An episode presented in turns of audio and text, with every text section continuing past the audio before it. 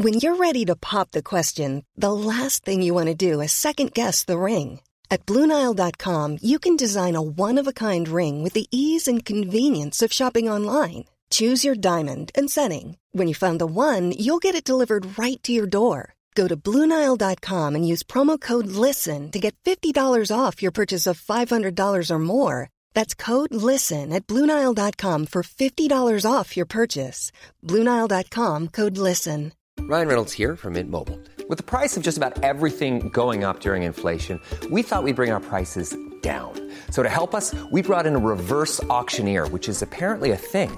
Mint Mobile unlimited premium wireless. Have to get 30, 30, bit to get 30, bit to get 20, 20, 20, bit to get 20, 20, bit to get 15, 15, 15, 15 just 15 bucks a month. So, Give it a try at mintmobile.com slash switch. $45 upfront for three months plus taxes and fees. Promo rate for new customers for limited time. Unlimited more than 40 gigabytes per month. Slows. Full terms at mintmobile.com. Many of us have those stubborn pounds that seem impossible to lose, no matter how good we eat or how hard we work out. My solution is PlushCare. PlushCare is a leading telehealth provider with doctors who are there for you day and night to partner with you in your weight loss journey. They can prescribe FDA-approved weight loss medications like Wagovi and Zepbound for those who qualify. Plus, they accept most insurance plans. To get started, visit plushcare.com slash weight loss. That's plushcare.com slash weight loss.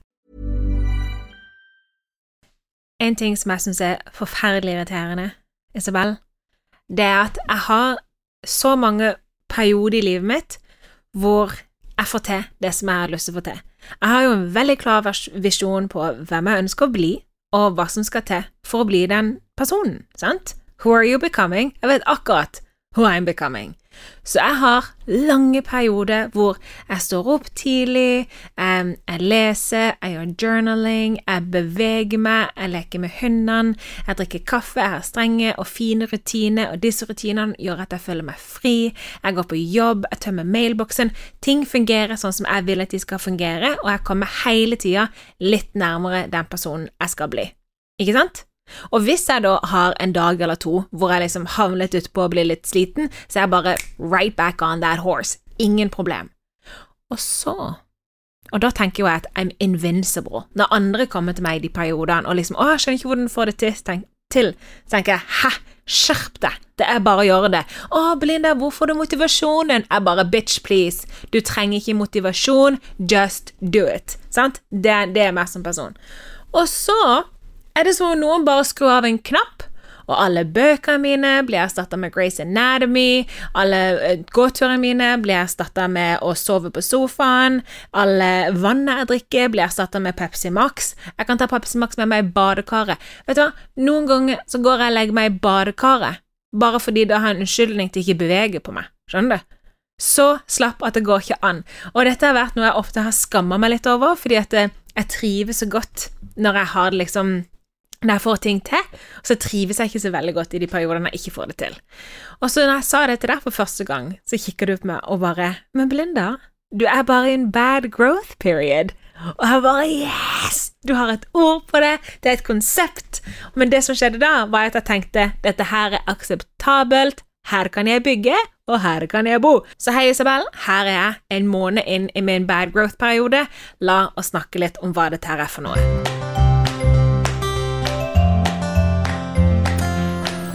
Growth er et begrep jeg lærte av en som heter Jeffrey Allen, foredragsholder og kursholder på Mind Valley. Og da jeg lærte det begrepet, så var jeg sånn ah, Digg. Endelig noen som kan forklare den følelsen jeg kjenner på kroppen.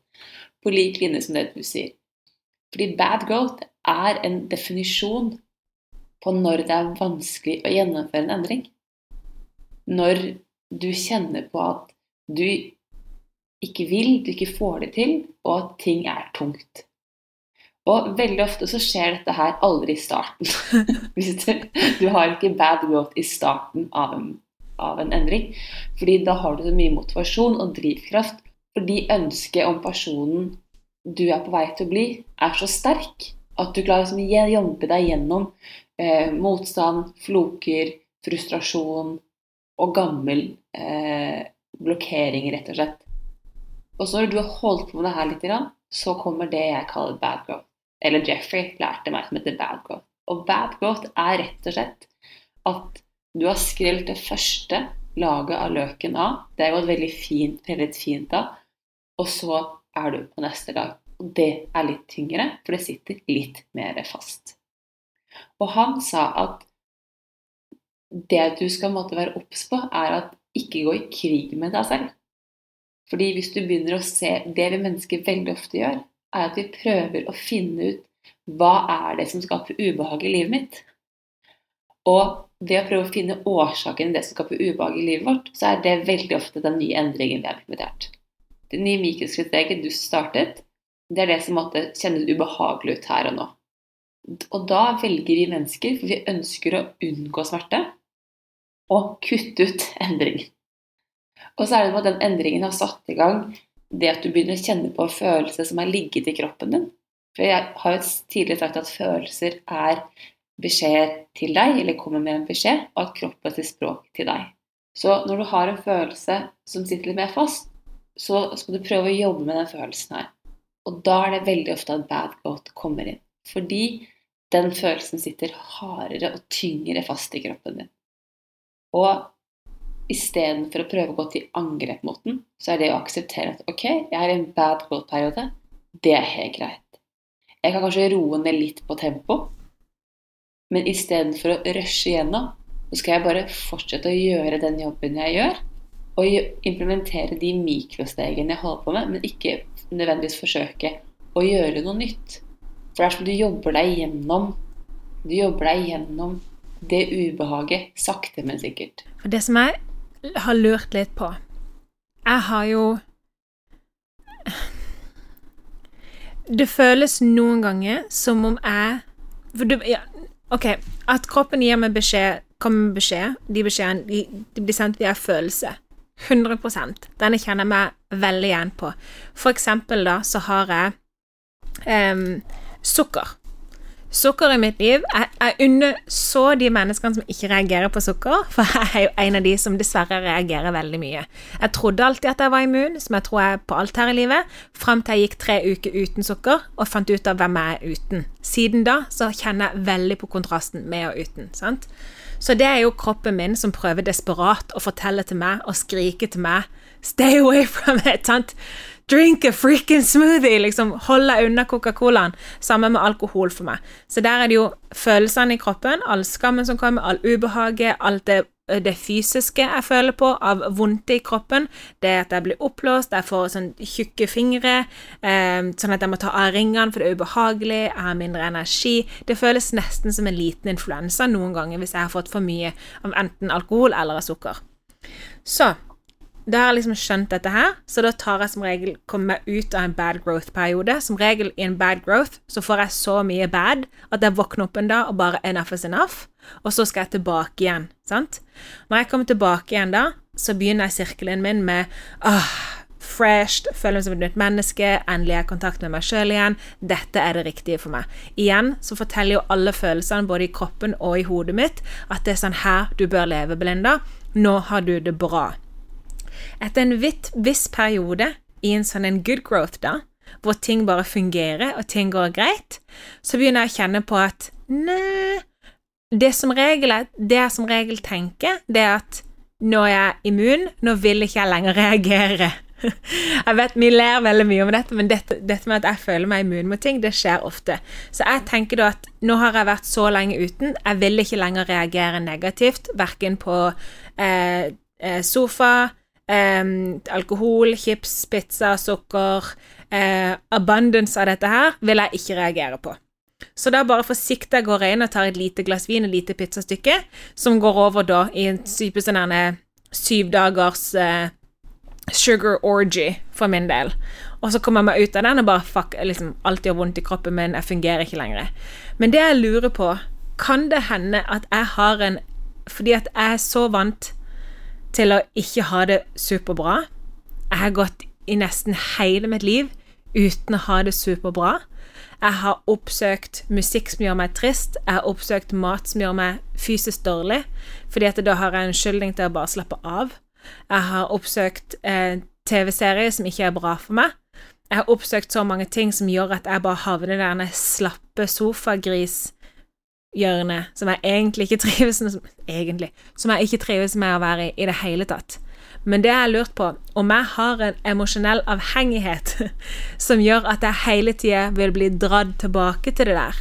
For jeg klarer jo ikke helt å forstå hvorfor jeg velvillig går inn i den samme onde sirkelen år etter år etter år etter år. Jeg tror at dette ikke nødvendigvis er emosjonell avhengighet. Det kan være en kombinasjon. Men jeg tror det handler om at du treffer ditt tak, og hva du klarer å håndtere av good growth. Du sier jo at du setter i gang en prosess, og så jobber du der. Så er det som du kommer til et visst nivå. Se for deg at du skal bestige et fjell, og så er det, det er tre fjell. Som du på en måte, Det ene et, et lite et, et middelett og et stort et. Når du har plassert eh, kommet på toppen av det som er lite, så er det sånn OK, I conquered the world. There's nothing more to do. I'm amazing. Her kan jeg bli. Ikke sant? Eller at jeg får panikk for dette. Det skjer for mye for riktig. fort. Det er mer det. Var det så enkelt som dette? Det er det jeg tror. For jeg tror at for deg så din bad goat begynner å komme når du begynner å teste, eller nærmer deg din, ditt toleransevindu. Det, det du klarer å tolerere av endring. Fordi det er da sekundet For deg så er et tegn på at du begynner å nærme deg bad growth, er at du tror du er immun. Hver gang Ja. du tenker 'jeg er immun', så er det som at du har beveget deg fra den veksten du er blitt så utrolig glad i, inn til det som heter at 'ok, nå er jeg ferdig'. Nå er jeg mestret det. Og der kommer jo den emosjonelle avhengigheten som måtte skal dra deg ned og den følelsen av at 'ok, men nå har jeg måtte vært flink så lenge'. Fordi det er det som er så fascinerende. Vi mennesker tenker at så lenge når jeg har vært god i tre uker, fire uker, fem uker, seks uker, åtte uker, nå fortjener jeg en belønning. Og den belønningen du søker, er jo akkurat det du har jobbet deg bort fra. Så det er jo den mentale delen, den psykiske delen og den emosjonelle delen rundt sukker, da, som du snakker om, eller om det er trening, om det er gåturer, altså om det er å lese, den kommer og tar deg tilbake. Og så er det som at det laget du nå skal jobbe deg gjennom, det er det som Det er der din bad growth kommer, da. Og så er utfordringen her å ikke bikke hoppe ned og starte på bunnen igjen. Men det å tørre å være sånn Ok, jeg tror jeg er immun. Jeg har vært her før. Dette her er jeg som skal liksom prelle et nytt lag eller bestige en ny fjelltopp, som gjør at jeg må fortsette å jobbe. Jeg må gjøre den, den jobben jeg gjør hver dag, må jeg fortsette å gjøre. Wabun Sharma sier jo det at skal du ha en lasting and profound change, det kommer gjennom daglig repetering av metoder og praksisen din. Mm. Det er ikke sånn at hvis du løper, altså verdens beste maratonløper, slutter han å løpe, så vil ikke han lenger være verdens beste maratonløper. Verdens smarteste person vil ikke lenger være verdens smarteste person hvis han slutter å lese. Mm. Men vi bikker visse nivåer hvor du har kommet så langt at du tenker ok, men nå, som sagt, er jeg immun.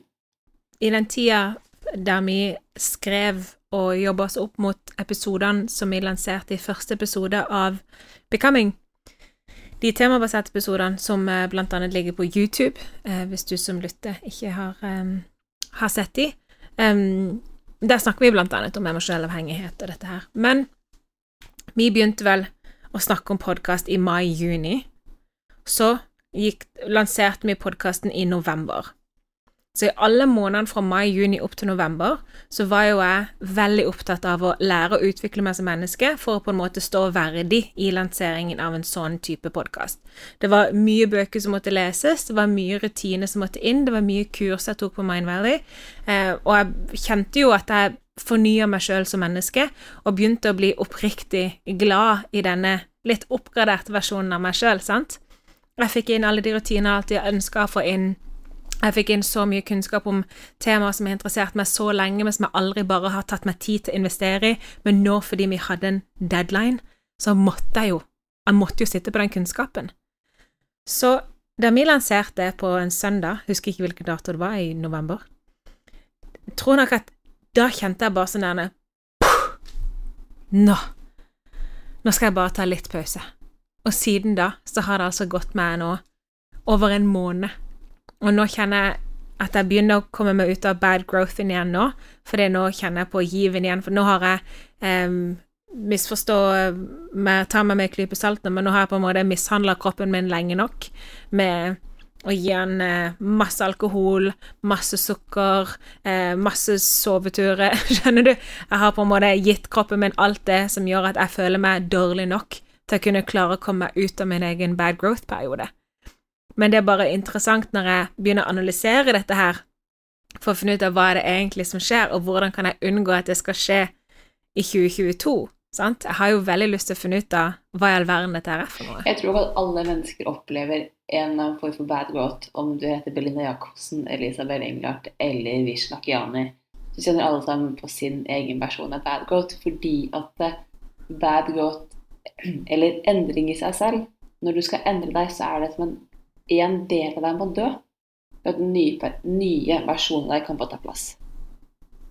Vishlakiani Den har den ja, for, Sorry, unnskyld at jeg avbryter, men det har du sagt til meg før.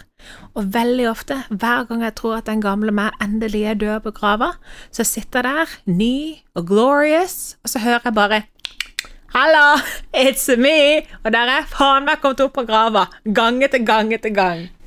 Men fordi, ja, altså, hvis jeg forstår deg rett nå, så tror du at det, du skal dø én gang. Du tenker at, ja. at det skal gamle Belinda Hun dør én gang, og så er hun ferdig død. Og det, Jeg ser jo den, men så er det at hver gang du oppgraderer deg, hver gang du oppgraderer tankesett, så må den versjonen av deg som sliter med den, hun må rett og slett dø på nytt og på nytt. da. Vishlakiani har jo, har et begrep som jeg syns er helt magisk, og som jeg syns passer veldig fint inn i bad growth. Han kaller det 'beautiful destruction'. Og Vishlakiani han sier at 'sometimes in life you have to destroy what is merely good to allow what is truly great to enter'. På norsk så betyr det at innimellom så må livet, deler av livet ditt som er bra, rett og slett få lov til å falle fra hverandre for at noe bedre kan komme igjennom. Og det er altså Det høres veldig vakkert ut. Beautiful destruction. Eh, men la oss være ærlige. Det er en destruction inni her. og det er den destruction, eller ødeleggelsen, i seg selv som er bad growth. For det er en gammel del der som må dø. Og Vishen Lakøen har vært ærlig om at han har vært igjennom flere store beautiful destructions i livet hans. Sånn som da han flyttet fra USA til eh, Malaysia for å starte Mind Valley, så var jo det kjempeubehagelig for ham. Og han gikk inn i en kjempebad growth-periode før han klarte å klatre seg ut av den.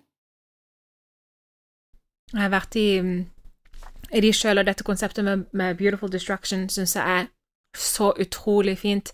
Eh, sjøl noen av de største i mitt liv er nok kanskje da Um, Sjøl, da, da, jeg bodde i USA og måtte flytte hjem til Norge eh, fordi min far var syk, og det var jo Livet mitt raste fra hverandre, jeg hadde jo hele livet mitt der og skulle jo ikke være her, og hva som endte som skjedde, var jo at da jeg var i USA, så lå jo jeg i meditasjoner og prøvde å visualisere og manifestere eh, trygghet, min egen bedrift, eh, en mann jeg kunne elske, mitt eget hus, alt dette her.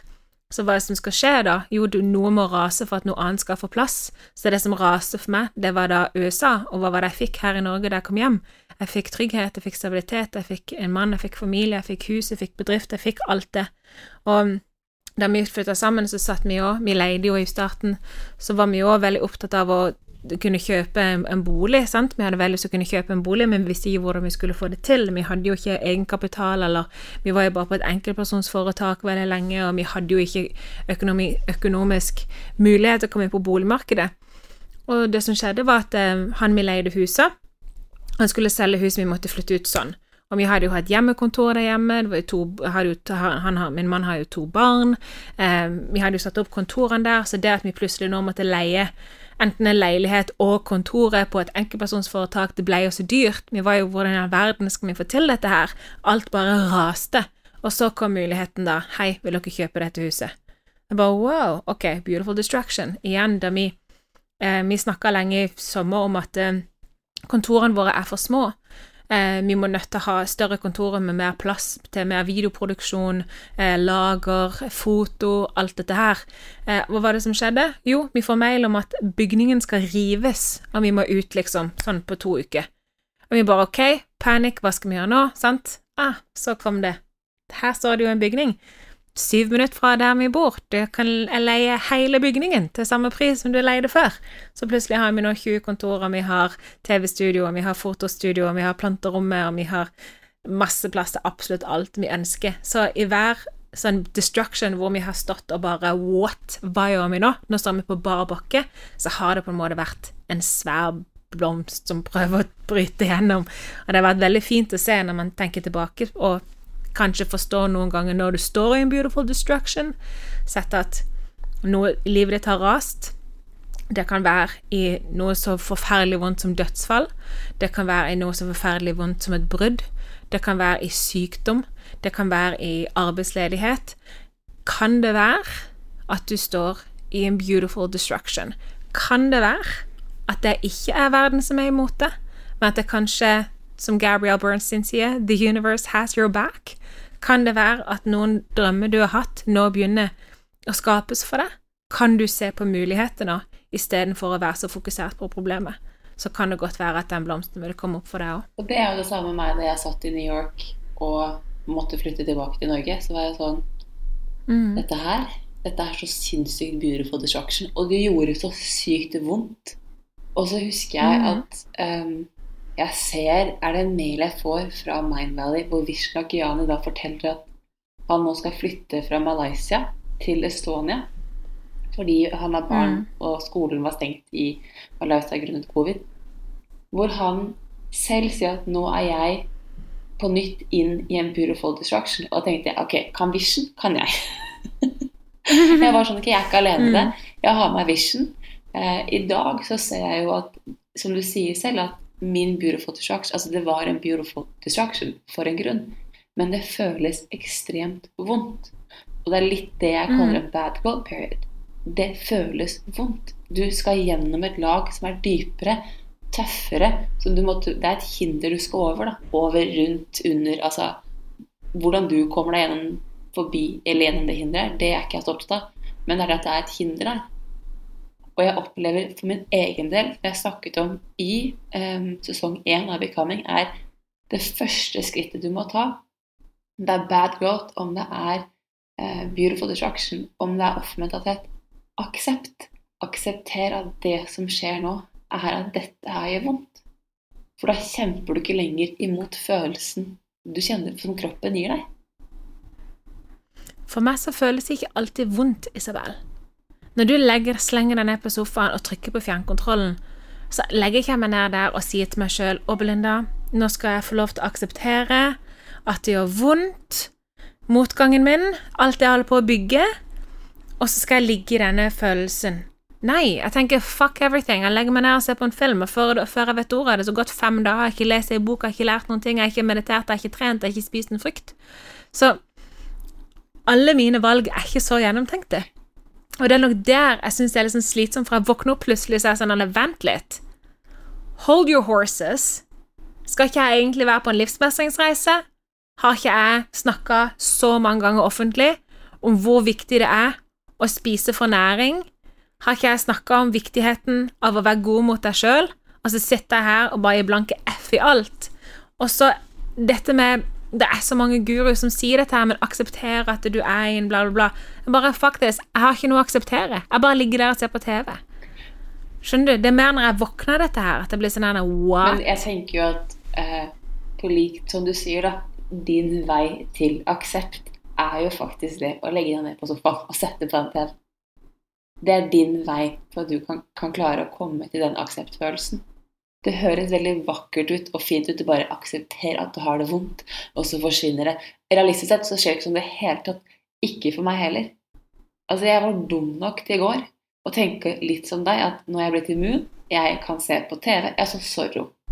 Zorro, den maskerte helten, tror jeg, på Netflix. Jeg vet, jeg vet med meg selv at for meg å se på video eller film hvor det er vold og folk blir drept, jeg tåler det ikke lenger. jeg har Ja, rett fra leggetid, i hvert fall. så jeg, jeg blir dårlig. Og når jeg sier dårlig, så mener jeg at jeg, når jeg da skal på en måte gå fra denne filmen, sette meg i meditasjon, det eneste jeg ser, er liksom parterte kroppsdeler. Mm. Så i går, kveldsrutinen min, hva skjer? Selvfølgelig ser jeg parterte kroppsdeler, og det eneste jeg måtte gjenleve til hodet mitt, det er Zorro-filmen. Og så tenker jeg, Isabel, dette her visste du. Dette her var du så sykt klar over. Hvorfor gjør du det? Og jeg tror, på lik linje som deg, at jeg tenker litt som at ok, jeg, men nå er jeg immun. Hvor ille kan den ene filmen egentlig være? Og så tenker jeg at Og du som lytter, hvis du nå tenker 'oh my fucking god', kan man ikke se film heller her i livet, så er det bare viktig å få med at eh, etter hvert som man Vi begynte jo med å se på film hver eneste dag, og så bare erstatta vi med kanskje lese litt bok her og der. Men etter hvert som dette med læring og meditasjon og bøker, jo mer man gjør det, jo mer vil man ha det. Eh, jo mer viktig blir det i livet ditt, og jo mer tid tar det, fordi at det gjør så jævlig godt. Eh, og da blir kontrasten mellom gjerne en voldelig film og en superlykkelig meditasjon, den blir veldig, veldig, veldig stor. For før både meg og Isabel begynte på denne reisen, så følte ikke vi at vi ble så veldig påvirka av det vi så. Det var samme som at jeg sa, og sa til min familie i 2020 at jeg skal kutte sukker, det vil ikke bli noe problem hos meg, jeg er ikke avhengig av sukker. Det var ikke før at jeg var fullstendig uten sukker i tre uker, at jeg visste hvem jeg var uten. Så hvis du som lytter til dette her nå, tenker men oh my god, jeg reagerer ikke på noen ting, så kan det være at du bare ikke vet hvordan du er uten noe av dette her i lengre tid. Og det er jo Jeg leste en bok her eh, tidligere i høst som heter 'Smittet av vold' av Per Isdal. Som snakker av hvordan vi mennesker blir påvirket av vold. Da. Eh, Det er en bok for terapeuter som, for å lære mer om hva som skjer i terapeutiske settinger, og hans egen historie. Eh, Men det jeg tok mitt liksom hovedpoeng ut av den boken, var det faktum at du blir vant til det du ser på. Ser du på mye på vold, så blir du vant til å se mye vold. Jeg har selv jobbet med eh, psykisk utviklingshemmede og utagerende atferd. Jeg jobbet med vold. Det var jo null problem for meg da. I dag, og jeg har ha så totalt avstand fra voldelige filmer, alle disse tingene så gjør det på en måte Jeg blir påvirket av den. Som du sier, jeg visste ikke hvem jeg var uten. Og poenget mitt med å si det her er vel egentlig bare det å si at du kommer til et punkt hvor du tenker at jeg har blitt immun. Og det var her litt den bad growth-perioden kommer inn, hvor det er litt sånn Ok, skal vi teste? Er du immun? Er du ikke immun? Og innimellom så må du litt lenger inn i den bad growth-perioden før du henter deg ut igjen. Innimellom så må du ligge der litt og kjenne på ok, hva er egentlig det jeg kjenner på nå? Hvilke følelser forsøker jeg å jobbe meg gjennom? Som du sier, Belinda, du kan legge deg på sofaen, eh, sette på TV og tenke det er ingen følelse, det er helt greit, jeg skal bare se fem minutter. Fordi den følelsen er ikke blitt tydelig nok for deg. Vi tenker vel ofte at følelser snakker til oss, at de er høylytte og klare med en gang. Men veldig mange følelser er ikke nødvendigvis det. Du kan bruke tid før du klarer å forstå hva du faktisk føler. Jeg hadde Tidligere i høst så skulle jeg sjekke, fordi du hadde snakka flere ganger om dette her, og hvor påvirka du blir av TV. Og ikke bare innholdet i TV-en, men det å være foran en skjerm med så mye som skjer foran øynene dine, hvordan hjernen din reagerer. Så jeg tenkte med meg sjøl at eh, for det første, når du fortalte det, så tenkte jeg at det er veldig deilig for meg å vite at jeg er en av de som ikke reagerer. eh, og så tenkte jeg at Men vet du hva? Jeg skal teste mandag til fredag. Ingen skjermtid etter jobb. Så da Ja. Ingen skjermtid etter jobb. Så ingen scrolling på telefonen, ingen eh, spill på telefonen, ingen serie, ingen ingenting. Ingen skjermtid etter jobb. Eh, for det første ble jeg veldig overraska over hvor vanskelig det var. Um, hadde alle unnskyldningene i verden til hvorfor jeg bare kunne sjekke litt, eller bare, bare altså, Jeg måtte liksom bare ha armene på Nei, øynene på en skjerm. For det andre så ble jeg utrolig overraska over hvor mye jeg fikk gjort i huset. Altså Plutselig så var jo all oppvask var jo alltid tatt, all sengetøy var alltid vaska, jeg fikk sortert den kommoden vi har sengetøyene i, jeg fikk rydda boden Altså, det var så mye som ble gjort. Og så leste jeg bok på sengekanten før jeg la meg, og jeg er i sjokk over hvor tidlig jeg sovna, hvordan jeg ikke våkna i løpet av natta, hvor lett det var å våkne på morgenen. Så det å kutte skjermtid etter jobb fra mandag til fredag, det var jo revolusjonerende, til og med for meg som var overbevist om at jeg ikke var at jeg ikke reagerte på det jeg så på, for jeg så ikke på noe kraftig vold eller noen ting. Jeg så bare sånn rolig Grace Anatomy hvor folk kom inn spidda sammen på en Rolig påle. Grace Anatomy. Det er liksom, den setningen har jeg ikke hørt før. Det er kanskje en av de seriene som påvirker meg mest. Det er sykdom. Det er dårlige mennesker. Det er stress. Det er drama. Altså, ja. Det for meg er jo nesten litt Mye død.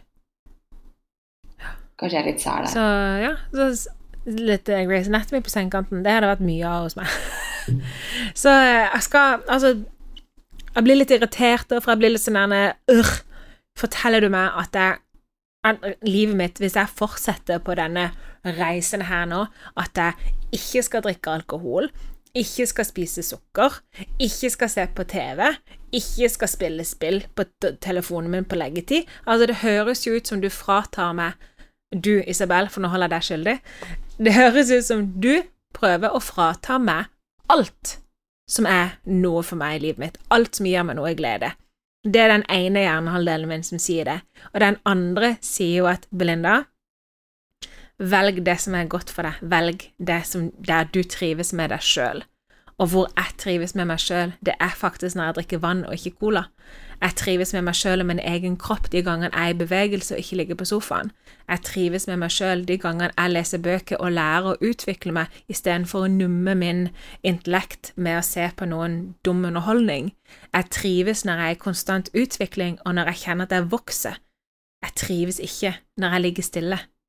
Så det å hele tida velge det som Dalai Lama sier, at veldig mange av oss klarer ikke å finne lykke, for vi er for opptatt med å jakte etter nytelse, men at lykken ofte kommer i det sekundet du tar bort øyeblikkelig nytelse. Det er jo da lykken kommer.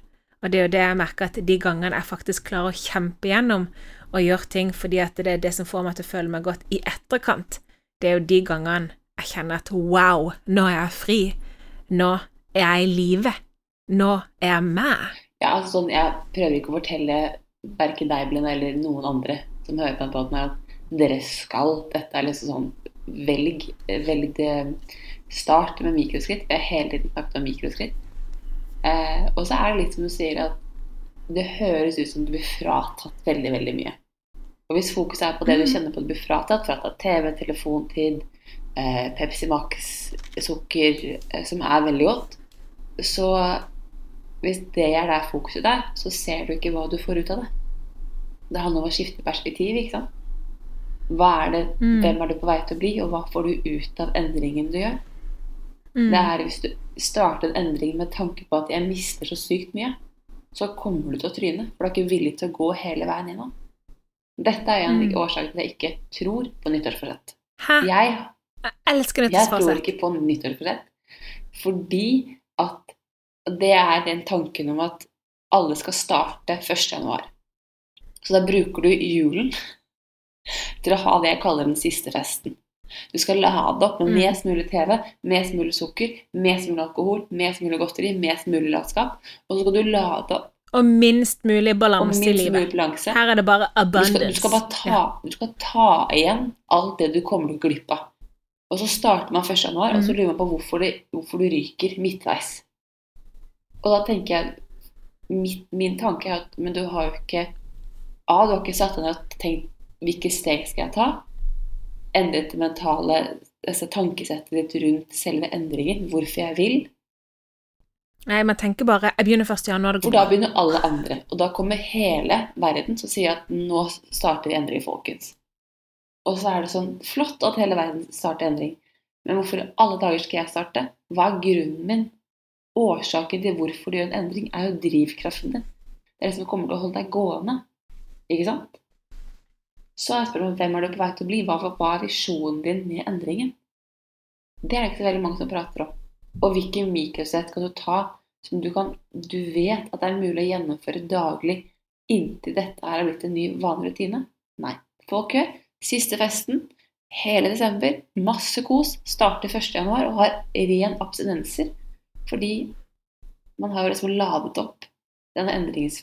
Altså før endringen med alt det du ikke skal gjøre lenger. Da har jeg en liten greie som jeg pleier å kjøre i sånn november-desember-ish. Endrer seg litt år til år. Men eh, nå tar jeg din rolle, Isabel, og sier at eh, hvis du som lytter har lyst til å ta fram notatet eller penn og papir, så skal jeg gi noen små tips og triks nå til hva du kan gjøre for å ta et bedre nyttårsforsett. Jeg gleder ok? meg. For å bedre skape et nyttårsforsett som faktisk kan vare. Ja. Ok? Jeg ser for ser überskeptisk ut. Det går bra. Ok, Penn og papir. Jeg foretrekker penn og papir. På toppen av sida så skriver du navnet ditt, og så i 2022. Så hos meg så står det Belinda i 2022. Hvem er dette mennesket i 2022? Så lager jeg to bolker. Den ene heter do's, og den andre heter don'ts. Og da er det litt strenge regler på ting som jeg skal ha i livet mitt, og ting som faktisk bare skal ut, for noe er faen meg nok. Så for min del så jobba jeg lenge i 2021 med å eh, gå ned på hvor mye jeg scroller på telefonen. Jeg jobber på Instagram. Jeg jobber på Snapchat. Det er mye telefontid, så for at jeg skal klare å være et eh, fungerende, oppegående menneske, så må jeg ha strenge rutiner på scrolling og jobb. De to må ikke gå inn, over, inn i hverandre. Research er én ting, scrolling er en annen ting. Så på min don't så skrev jeg da scrolling. Jeg er ferdig. Jeg tar faktisk ikke det med meg inn i 2020, inn i 2022. Jeg har lagd en streng regel der. It's not happening. Også på do's så har jeg skrevet ting som gåturer, veldig enkelt å få inn. Eh, bøker, enkelt å få inn. Meditasjoner, enkelt nå å få inn. Så de tingene jeg skal ha med meg, og de tingene som faktisk ikke får lov til å bli med meg. Så har jeg noe som jeg kaller for mer av og mindre av.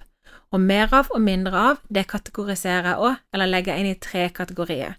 Det ene er jobb, eller bedrift, eller karriere, eller studie, hvor enn du står. Det andre er em, privat, så familieliv, venner, hus og hjem. Og det tredje er personlig, som gjerne da er gjerne spirituell vekst eller mål du har med deg sjøl, som bare er for deg, deg alene, din egen tankegang.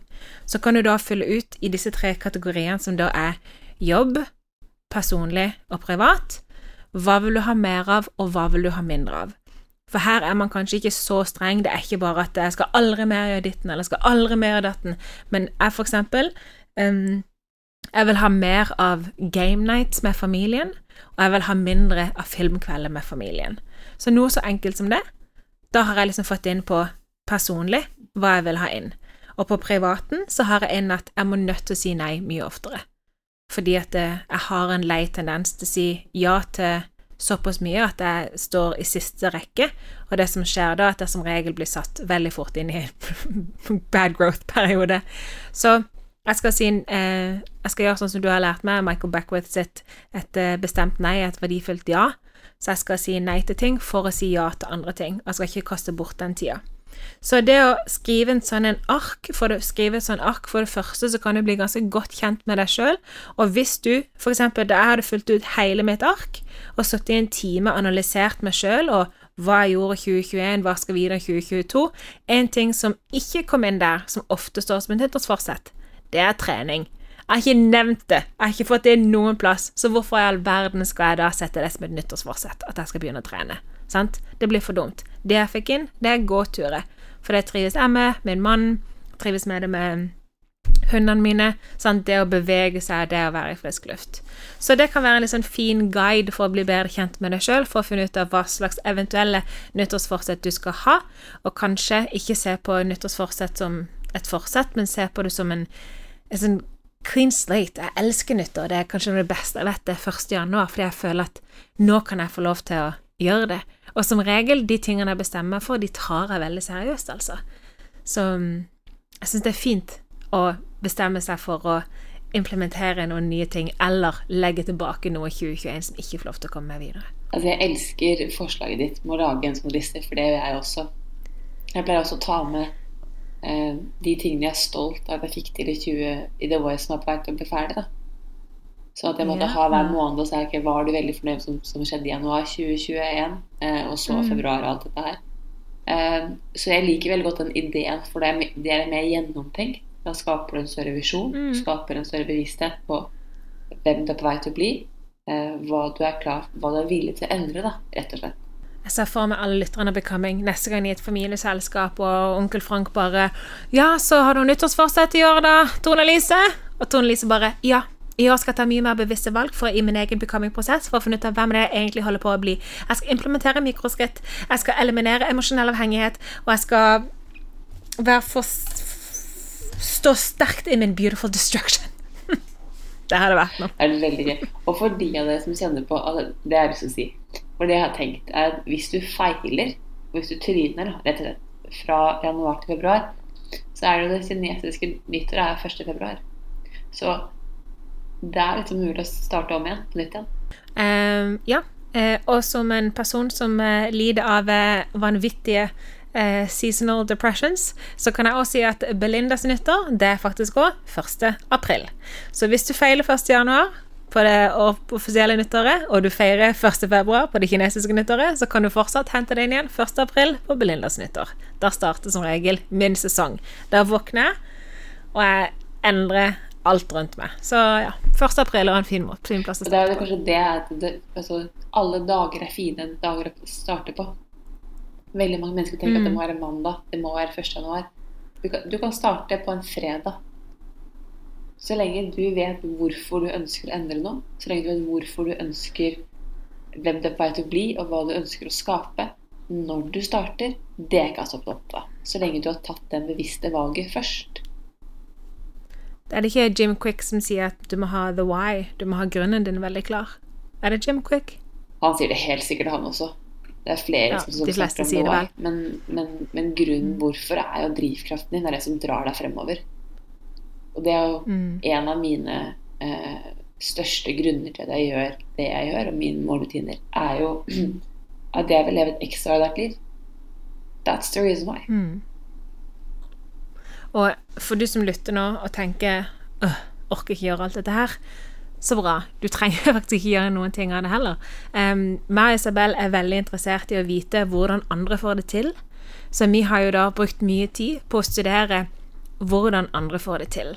Alt ifra kjente forfattere til kjente sangere til politikere til foredragsholdere til uh, bare mennesker som vi ser veldig opptatt opptil som vi har i nærkrets og venner og familie.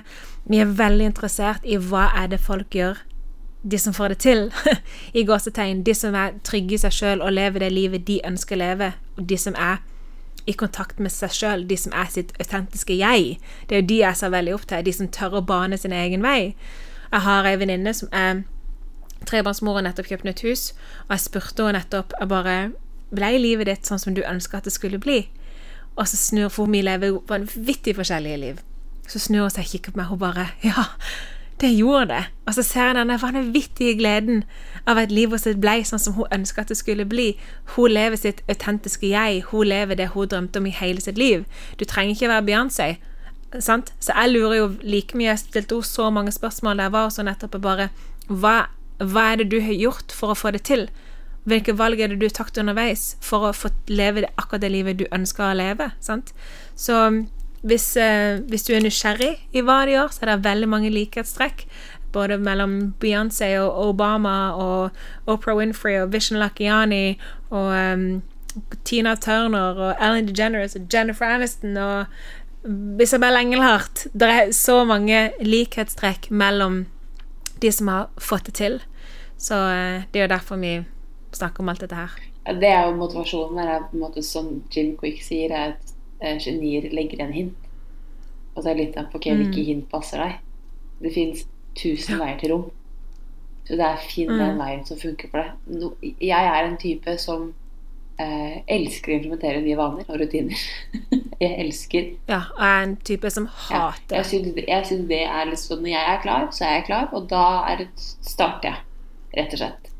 Eh, og det syns jeg er veldig, veldig gøy og digg. Eh, digg ikke i starten, kanskje, men når den sitter, så er det sånn OK, jeg fikk det til. Veldig, veldig fokus på den selvdisiplinen som blir skapt. For andre mennesker så bruker de lengre tid, og det er helt greit.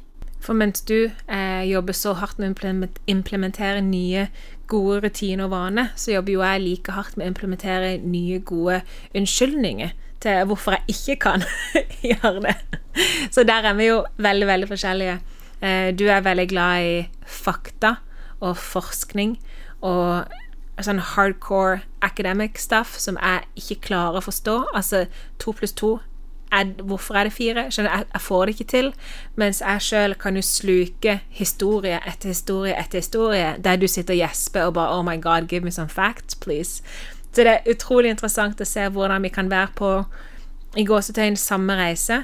Vi er interessert i de samme tingene, men fra to vanvittig forskjellige perspektiver, og med to vilt forskjellige um, endemål, da. Sant? Vi ønsker å oppnå forskjellige ting, men det vi har til felles, som vi jo har til felles med alle disse guruene vi syns er så gøy å lese om, det er jo da at vi har lyst til å leve vårt autentiske liv. Vi har lyst til å være den personen som vi har til var skapt til å være. Som Jim, uh, Jay Shaddy sier, så har vi lyst til å leve, leve i vår dharma, som da er Dharma er på en måte din lidenskap og din grunn. Grunnen til at du er her. Hvorfor er du her? Det er på en måte din dharma, og vi har lyst til å finne vår, om vi har lyst til å leve i vår. Så um, da er det bare å pakke sakene sine, pakke ryggsekken og komme seg til helvete ut av sin bad growth-periode og fortsette. Nei, men, men Fortsette livet. For, for de av dere som kjenner på at dere er i en bad growth-periode, så er mine beste tips for å komme seg ut av den, det er faktisk én å være der.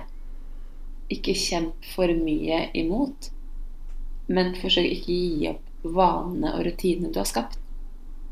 Um, tør å, som sagt, senk ned tempoet ditt. Ikke forsøk å jobbe deg, ikke push like hardt som du gjorde, men ikke gi opp.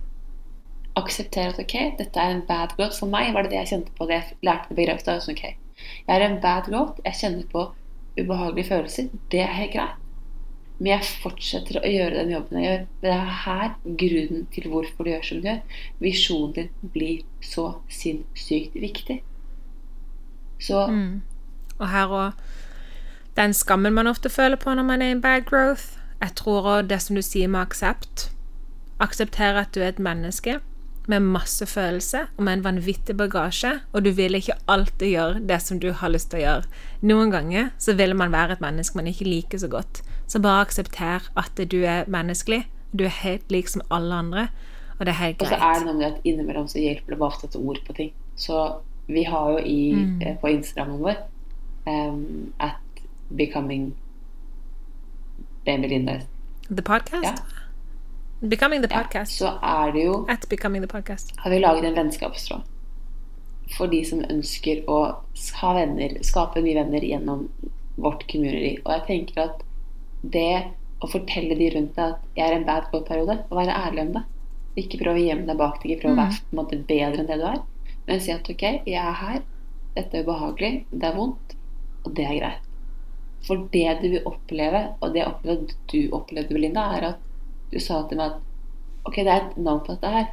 Det var som deler av det du bærte på, slapp. Ja, absolutt. Vet du hva de gjorde? Nei. Um, Brené Brown hun er jo forsker på både skam og sårbarhet. Altså, fett. Tenk å være forsker på en følelse. Jeg kommer ikke over det. Hello, I'm a scientist. Oh, what do you study?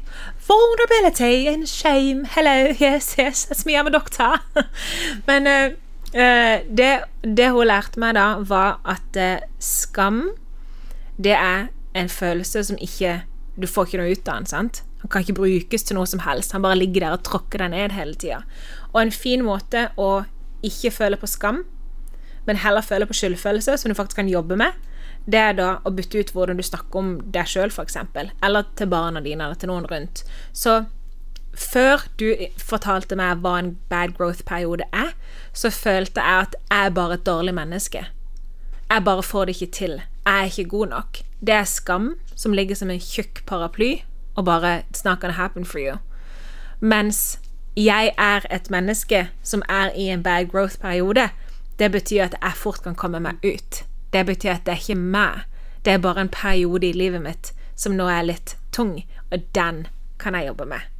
Så det å, det å separere seg sjøl fra en handling, eller separere seg sjøl fra en følelse Jeg er ikke trist. Jeg har triste følelser akkurat nå. Jeg er ikke sint. Jeg har sinte følelser. Så den separeringa der, og det var derfor det med bad growth, for først og fremst kan jeg begynne å leie og spøke litt om det. Jeg kan bestemme meg for Jeg kan sette en dato på når jeg skal begynne å jobbe meg ut. Så det gjorde jo jeg, eksempel. Jeg visste at når det nærmer seg jul, så skal jeg komme meg ut av denne bad growth-perioden. Jeg sa til meg sjøl OK, det er desember, det er vanskelig for deg, du er sliten, det har vært mye. It's OK.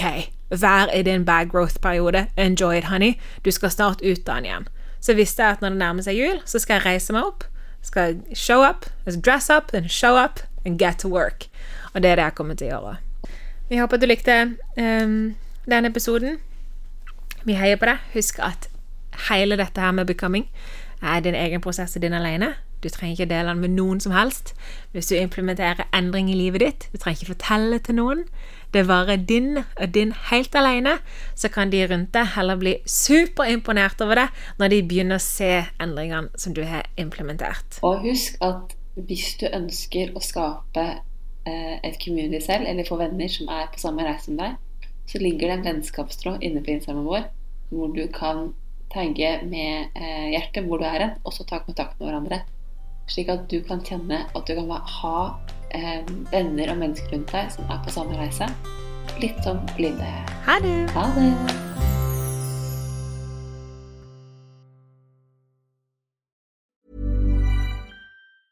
Mom deserves the best, and there's no better place to shop for Mother's Day than Whole Foods Market. They're your destination for unbeatable savings, from premium gifts to show-stopping flowers and irresistible desserts. Start by saving 33% with Prime on all body care and candles. Then get a 15-stem bunch of tulips for just $9.99 each with Prime. Round out Mom's menu with festive rosé, irresistible berry chantilly cake, and more special treats. Come celebrate Mother's Day at Whole Foods Market. Hey, it's Paige DeSorbo from Giggly Squad. High quality fashion without the price tag. Say hello to Quince. I'm snagging high-end essentials like cozy cashmere sweaters, sleek leather jackets, fine jewelry, and so much more. With Quince being 50 to 80% less than similar brands. And they partner with factories that prioritize safe, ethical, and responsible manufacturing. I love that. Luxury quality within reach. Go to quince.com slash style to get free shipping and 365 day returns on your next order. Quince.com slash style. Imagine the softest sheets you've ever felt. Now imagine them getting even softer over time. That's what you'll feel with Bowl and Branch's organic cotton sheets. In a recent customer survey, 96% replied that Bowl and Branch sheets get softer with every wash. Start getting your best night's sleep in these sheets that get softer and softer for years to come. Try their sheets with a 30-night guarantee. Plus, get 15% off your first order at bowlandbranch.com. Code BUTTERY. Exclusions apply. See site for details. Mom deserves the best, and there's no better place to shop for Mother's Day than Whole Foods Market. They're your destination for unbeatable savings, from premium gifts to show-stopping flowers and irresistible desserts. Start by saving 33% with Prime on all body care and candles. Then get a 15-stem bunch of tulips for just $9.99 each with Prime. Round out Mom's menu with festive rosé, irresistible berry chantilly cake, and more special treats. Come celebrate Mother's Day at Whole Foods Market.